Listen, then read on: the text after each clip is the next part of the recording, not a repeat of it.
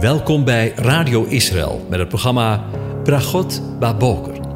Een kort ochtendprogramma waarin een gedeelte uit de Bijbel wordt gelezen en besproken. Met Bragot Baboker wensen onze luisteraars zegeningen in de ochtend. Presentator is Kees van de Vlist.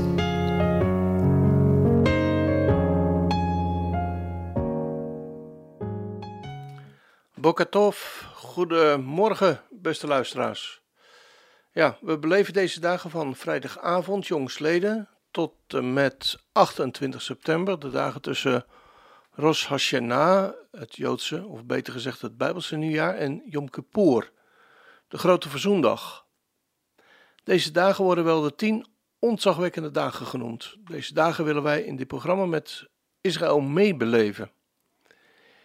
In de voorafgaande dagen, zaterdag en zondag, heb ik dit in het programma al stilgestaan bij het herdenken van deze dagen.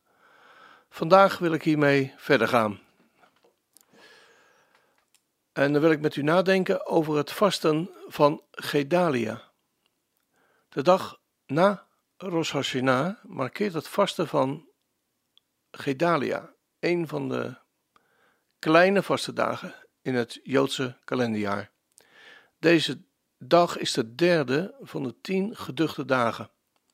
Een speciale, op deze dag denken Joden aan de trieste geschiedenis van Gedalia en het is één van de vaste dagen die te maken hebben met de verovering en de verwoesting van Jeruzalem door de Babyloniërs. Het vaste van Gedalia valt normaliter op de derde dag van Tisri. Maar als dat een sabbat is, dan wordt hij verschoven naar de vierde, vierde van Tisri. Wat is de betekenis van dit vasten en waarom vindt het plaats tijdens de tussenliggende dagen tussen Rosh Hashanah en Yom Kippur? Dat is natuurlijk een terechte vraag. De geschiedenis staat kort beschreven in twee kronieken, of twee koningen moet ik zeggen, 25. En daar lezen we maar over het volk dat in het land van Juda overgebleven was, dat Nebukadnezar, de koning van Babel, had laten overblijven. Daarover stelde hij Gedalia aan de zoon van Ahikam, de zoon van Safan. Toen al de, al de legerbevelhebbers, zij en hun mannen, hoorden dat de koning van Babel Gedalia aangesteld had, kwamen zij naar Gedalia en Mispa toe. Namelijk Ismaël, de zoon van Netanja, en Johanan, de zoon van Karea, en Seraya, de zoon van Tahumment, uit Netova, en Jaazania, de zoon van iemand uit Maaga, zij en hun mannen. En Gedalia zwoer hun en hun mannen en zei tegen hen: Wees niet bevreesd voor de dienaren van de Galdeeën. Dus van de Babyloniërs, blijf in het land en dien de koning van Babel, dan zal het je goed gaan. Het gebeurde echter in de zevende maand dat Ismaël, de zoon van Netanja, de zoon van Elisama, iemand van koninklijke boede, kwam en tien mannen met hem. En zij sloegen Gedalia neer, zodat hij stierf, evenals de Judeërs en de Galdeën die bij hem in Mispa waren. Toen maakte heel het volk zich gereed, van de kleinste tot de grootste, en de bevelhebbers van het leger, en ze gingen naar Egypte, want ze waren bevreesd voor de Galdeën. Tot zover. Veel uitgebreider is het gebeuren verteld in Jeremia 40 en 41. De profeet Jeremia heeft het allemaal van heel dichtbij meegemaakt. Dus wellicht een voor ons niet zo bekende geschiedenis, maar daar kunnen we dan op deze dag wat aan doen. Lees Jeremia 40 tot en met 44 maar eens. Het verhaal van Gedalia. Ten tijde van de vernietiging van de eerste tempel, 2500 jaar geleden, werd de meerderheid van het Joodse volk verbannen, inclusief de tien stammen, door toedoen van Sanherib. De uiteindelijke veroveraar, Nebukadnezar, versoepelde later de strenge beperkingen en stond toe dat sommige Joden in het land Israël bleven. Hij noemde zelfs een rechtvaardige Jood, namelijk uh, Gedalia, om het gebied te besturen. En geleidelijk aan begonnen meer Joden die waren ontsnapt aan de verzekeringen van de oorlog naar naburige staten terug te keren naar hun huizen in Israël.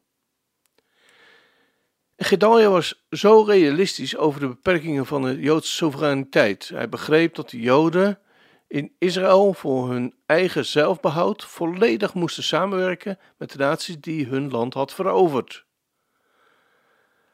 Maar deze politieke onderdanigheid was voor sommige Joden echt ondraaglijk. Een man genaamd Ismaël ben Netanja, aangespoord door jaloezie en buitenlandse invloed, stond op en negeerde de koning van Babylon. Op de derde van Tishri doodde Ismaël de op verraderlijke wijze Gedalia, evenals vele andere Joden en Babyloniërs, zoals we net al zeiden. En het antwoord kwam op je Yom Kippur. In de nasleep van Gedalia's dood en moord vreesden de Joden verdelging van de koning van Babylon en ze dachten naar Egypte te vluchten om zichzelf te redden. Maar aangezien Egypte een moreel corrupte samenleving was, bevonden de Joden zich in een dilemma. De fysieke dreiging afwegen tegen het geestelijke gevaar. Dus, wat deden ze? Ze wenden zich tot de profeet Jeremia, die in de rouw afgezonderd was om advies te vragen. Een hele week lang smeekte Jeremia God om een antwoord.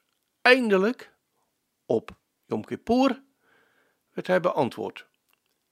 Jeremia riep de Joden en zei dat ze in Israël moesten blijven en dat alles goed zou komen. God was van plan de Babyloniërs barmhartigheid jegens de Joden te laten handelen en het duurde niet lang voordat alle verbannen Joden naar hun eigen grond zouden mogen terugkeren. Maar, zei Jeremia tegen hen, als de Joden besloten naar Egypte te gaan, zou het zwaard waar ze vandaan renden hen daar doden. Jammer genoeg drongen de woorden van de profeet niet door en de mensen weigerden te geloven. Alle Joden die in Israël achterbleven pakten hun koffers en gingen naar Egypte. Ze hebben zelfs Jeremia ontvoerd en meegenomen. Nu was de vernietiging van voltooid. Het land Israël was volkomen onvruchtbaar. Je kunt wel raden wat er daarna gebeurde. Een paar jaar later veroverde Babylon Egypte en werden tienduizenden Joodse ballingen volledig weggevaagd. De enige overgeblevene van dit bloed was, was Jeremia. Zijn profetie was pijnlijk waar geworden. De eerste gebeurtenis, de moord op Gedalia, wordt vergeleken met de vernietiging van de heilige tempel, omdat de Joodse levens kosten wat kost een einde maakten aan de Joodse nederzetting in Israël gedurende vele jaren. De profeten verklaren daarom dat de verjaardag van deze tragedie een vaste dag moet zijn. Deze dag is de derde van Tisri, de dag direct na Rosh Hashanah, de dag die vandaag dus centraal staat in Israël. Welke lessen voor het vasten van Gedalia kunnen wij vandaag daaruit leren? Nou, les 1. Het Joodse volk was gezonken tot een van hun laagste niveaus in de geschiedenis. De tempel werd verwoest, de meerderheid van de Joden werd verbannen en de zaken zagen er echt hopeloos uit. Maar God veranderde hun wanhopige situatie en liet de rechtvaardige Gedalia aanstellen. Toch werd Gedalia vermoord door een Jood en werd alle hoop weggevaagd. Op dat punt bad Jeremia tot God om inzicht en zekerheid. Dit was gedurende de tien dagen tussen Rosh Hashanah en Yom Kippur.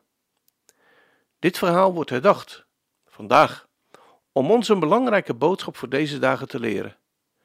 Het maakt niet uit hoe ver je weg bent, je kunt terugkeren naar God en Hij zal je vergeven. Dat was les 1. Les 2. De Joden die Jeremia om advies gingen vragen, waren er onbewust van overtuigd dat God het antwoord zou geven dat ze wilden horen. Dus toen God wat anders antwoordde, kwamen ze in opstand. Toch waren dit geen slechte mensen. Wat is er gebeurd? Hoewel deze Joden in zekere zin afhankelijk waren van de wil van de Babyloniërs, waren ze niet bereid afhankelijk te zijn van de wil van God. De les is, voor jou en voor mij, dat je aan God hechten betekent dat je Hem altijd volgt. En niet alleen als het toevallig samenvalt met wat jij wil. goede regel in het leven is, wanneer je voor een lastig moreel dilemma staat, is jezelf afvragen: wat zou God zeggen? Wat wil Hij dat ik doe? Ik moet er zelf aan denken aan een poosje geleden toen ik een wandelingetje maakte, maakte en een preek van Henk Binnendijk beluisterde. Waarin hij oproep om God volledig, dus zonder enige reserve, gewoon op zijn woord te volgen. Zonder enige reserve. Alles achter je laten. Je totaal verlaten op God. Wat is dat onvoorstelbaar moeilijk. Alleen maar doen wat Hij zegt. Volledige overgave. Ben jij daartoe bereid? De derde les, wanneer de ene de andere vermoordt, is dat een diepe vreselijke tragedie, die enorme historische gevolgen kan hebben. Er is geen excuus voor dergelijk geweld. Hebben we filosofische en politieke verschillen? We moeten ze kalm en verdraagzaam oplossen. Het is de enige acceptabele manier. En misschien geldt dat ook juist wel voor godsdienstige uh, verschillen die we soms hebben. Waarin we elkaar met de Bijbel om, bij wijze van spreken, om de oren slaan. Maar laten we vandaag leren dat we ze kalm en verdraagzaam oplossen naar elkaar toe in de, in, ja, in de wetenschap ook, dat we zelf ook nog maar lerende zijn. Dat is de les die we misschien vandaag ook kunnen leren. Om inkeer en bekering van datgene waar we bekeerd moeten worden. We gaan weer luisteren naar het lied van deze tien ontzagwekkende dagen. We hebben al twee uitvoeringen van het lied Avinu Makainu gehoord. Onze Vader, onze Koning, het Joodse gebed dat onderdeel uitmaakt van de synagogeliturgie, van de Joodse feestdagen Rosh Hashanah en Yom Kippur. Waarin de laatste regels luiden: Onze Vader, onze Koning, wees ons genadig, verhoor ons. We hebben geen daden waarop wij ons kunnen beroepen, maar toch. Laat uw recht dat u spreekt over ons, de mildheid kennen van uw trouw. Ja, wil ons helpen. We gaan weer luisteren naar een andere uitvoering van het lied.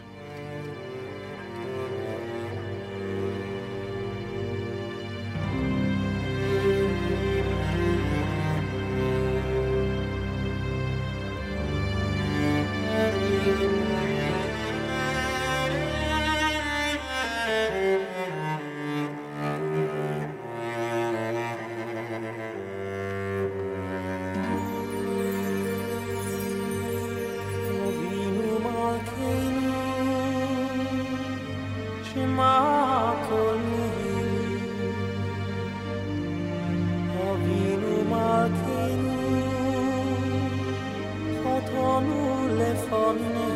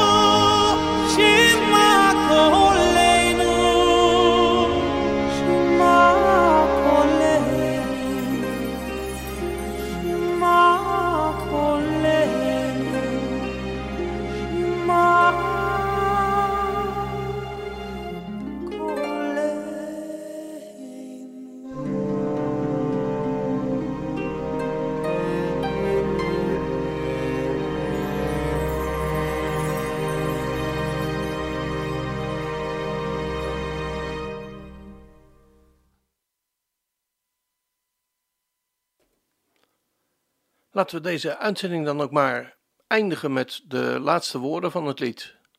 Onze Vader, onze Koning, wees ons genadig. Verhoor ons. We hebben geen daden waarop wij ons kunnen beroepen, maar toch, laat u recht dat u spreekt over ons. De mildheid kennen van uw trouw. Ja, wil ons helpen. Ik wens je een van God gezegende dag toe.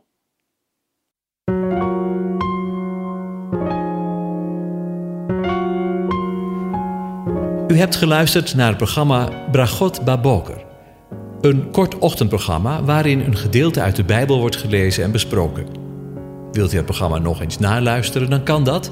Ga naar radioisrael.nl en klik onder het kopje radio op Uitzending gemist.